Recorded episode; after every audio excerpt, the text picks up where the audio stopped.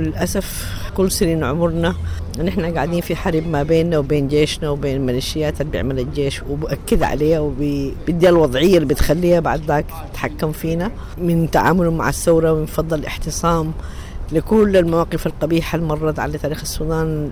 حرب دارفور جبال النوبة آه الحرب في شرق السودان يعني الجنوب وأدى إلى انفصاله.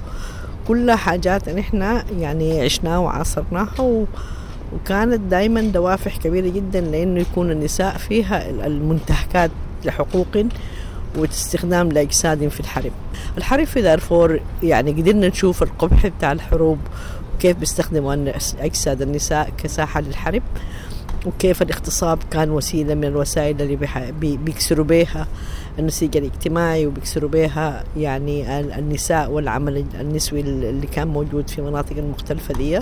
فأنا أفتكر إنه يعني عموما شكل الدولة السودانية حتى قبل الحرب يعني كان systematic في استخدام أجساد النساء كساحات حرب بطريقة مختلفة. لما جات الحرب حسا بالشكل الحسي هي بيه ده ممكن نقدر نقول إنه كمان يعني الناس في ال center أو الخرطوم شافوا مواقف مختلفة بالذات باحتلال منازلهم واضطروا يطلعوا واغتصاب بناتهم قدامهم واختطاف بعض البنات لمناطق تانية.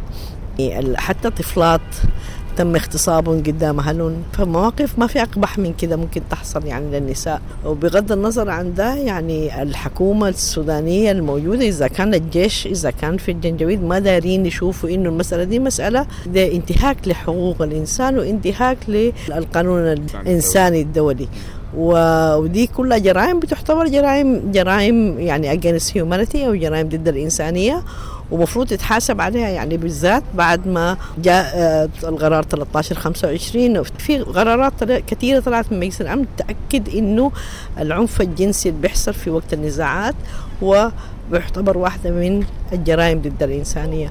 فيعني دارفور رغم ال 20 سنة اللي فاتت دي كانت متضررة قدر شنو من الحرب يمكن الثورة جات شوية خلت شوية سيتلمنت لكن للأسف حسي في يعتبر يعني كمان في genocide ضد المساليت المجموعات الموجودة في الجنينة المجموعات الموجودة في نيالا. فدي كلها أفتكر إنها حاجات ما مقبولة وحاجات كلها لازم تتوثق ولازم يكون في محاسبة.